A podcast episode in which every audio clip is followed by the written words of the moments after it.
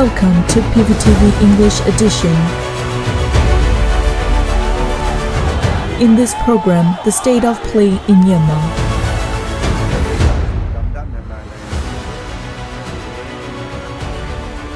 We are going to deliver current affairs review by PVTV.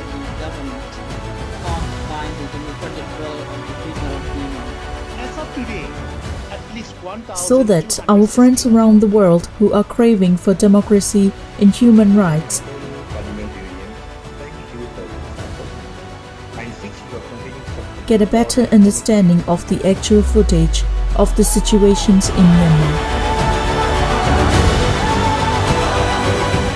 So please tune in to our program.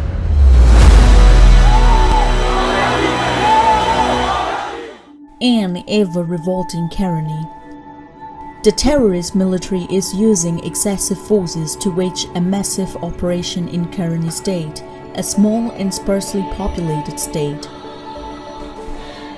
Since the end of last year, the terrorist military has been targeting Karenni state and has been killing all local people's defense forces and civilians by utilizing almost all military weapons within four months of time.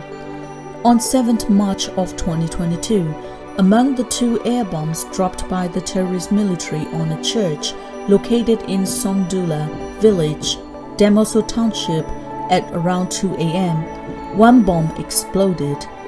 The other bomb, which didn't explode, was unearthed by the Karenni Army (KA) and the Karenni National Defense Force (KNDF), and discovered that it was a human-sized bomb, which was about five feet in size. By looking at the atrocities conducted by the terrorist military and the weapons they used, it showcased how bloodthirsty the coup regime is, including their brutal massacres of the whole population whoever opposes their wrongdoings. In fact, this is one of the closest and the most obvious examples of what has been done by the military regime as it has been attacking the state of Karenni with countless artillery shells and hundreds of airstrikes and bombings over the months to seize the territory. Like they use it in areas such as Kachin State, Chin, Sagaing, and Magway, it is a typical tactic from the military to rely mainly on airstrikes and to use heavy weapons whenever its ground forces are facing defeat, in order to get the upper hand in the attack. Amongst the 300,000 population in Karenni state, about the half, around 170,000 are now displaced because of the war. The vast attacks of the terrorist military of burning down the entire village or bombings or using artillery shells have destroyed civilian houses, schools, and churches in cities as well. During the last Christmas Eve, a massacre took place in Hpruso Township, Karenni State, where at least 42 civilians were burnt alive, became as a well-known tragic incident to the world since underage children and women, including two staff members from the Save the Children organization were involved.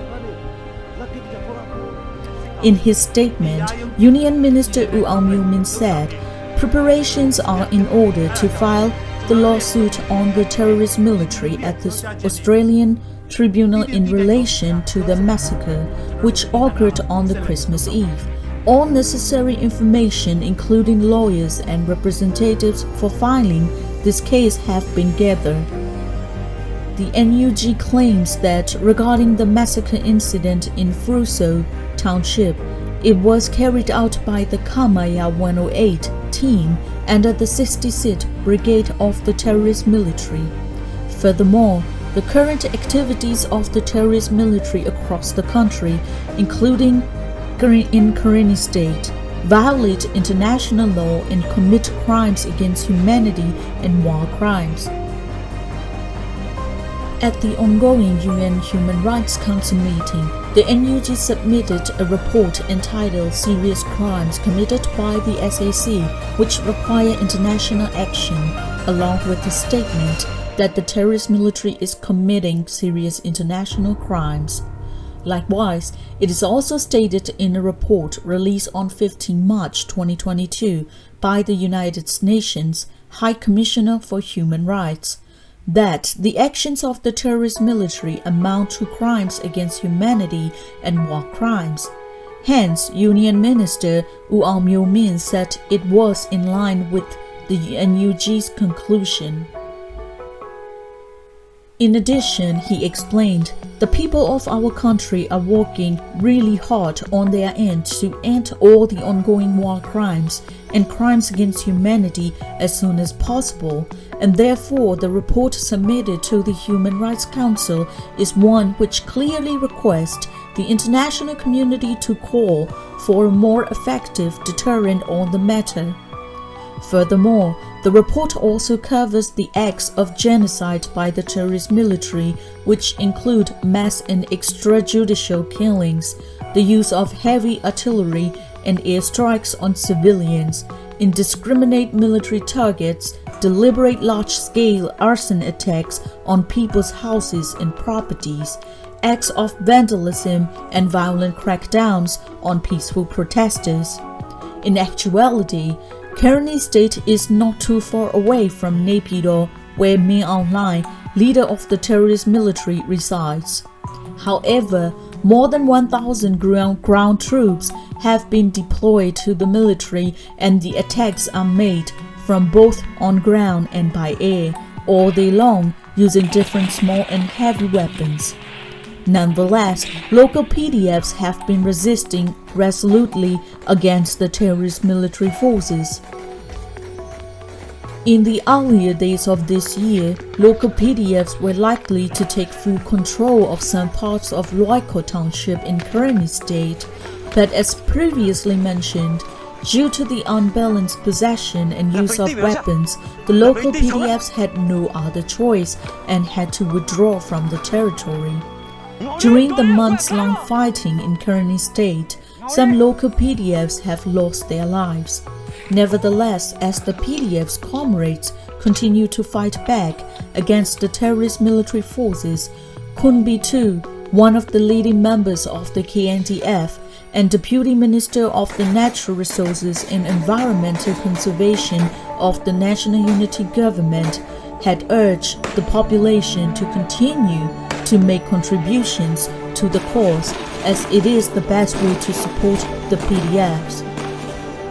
Let us win this revolution by the resistance from every corner of Myanmar and let us be all join together to create a more peaceful state for the country where everyone could enjoy equal rights and continue our revolutionary journey by supporting all the defense forces in Demoso, Pekon,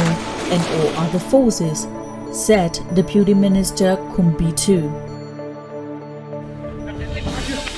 Terrorist warlords are launching heavy attacks on Karenni State and Sagaing Division, utilizing a large number of weapons which were purchased from public funds.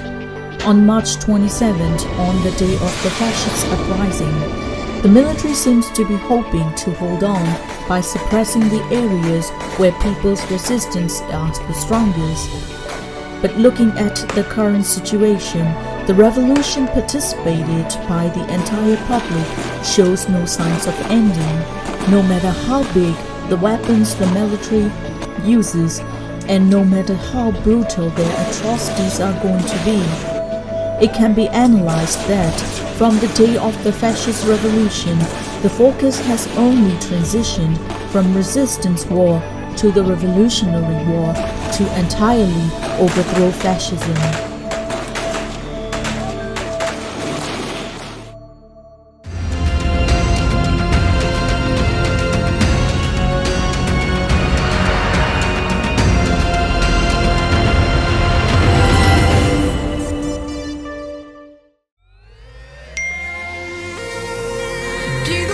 PPTV ကမြို့တော်လိုင်းရေးဆိုင်ရာအစီအစဉ်ကောင်းတွေကိုရည်စည်တင်ဆက်ပေးနေရရှိပါတယ်။ PPTV ကထုတ်လွှင့်တင်ဆက်ပေးနေတဲ့အစီအစဉ်တွေကို PPTV ရဲ့တရားဝင် YouTube Channel ဖြစ်တဲ့ youtube.com/c/PPTV မြန်မာကို Subscribe လုပ်ကြည့်ရှုပေးကြရဖြင့်တော်လိုင်းကိုတစ်သက်တအားဖုန်းလို့ပြည်ပေးနိုင်ပြီဖြစ်ကြောင်းသတင်းအောင်ပါလိုက်ပါရရှင်။စိတ်ရက်ကလစ်တွေနဲ့တော်လိုင်းရေးကိုနိုင်တဲ့ဘက်ကထိတ်ဆက်အားဖြစ်လိုက်ကြအောင်ပါ။အရေးတော်ပုံအောင်ရမည်။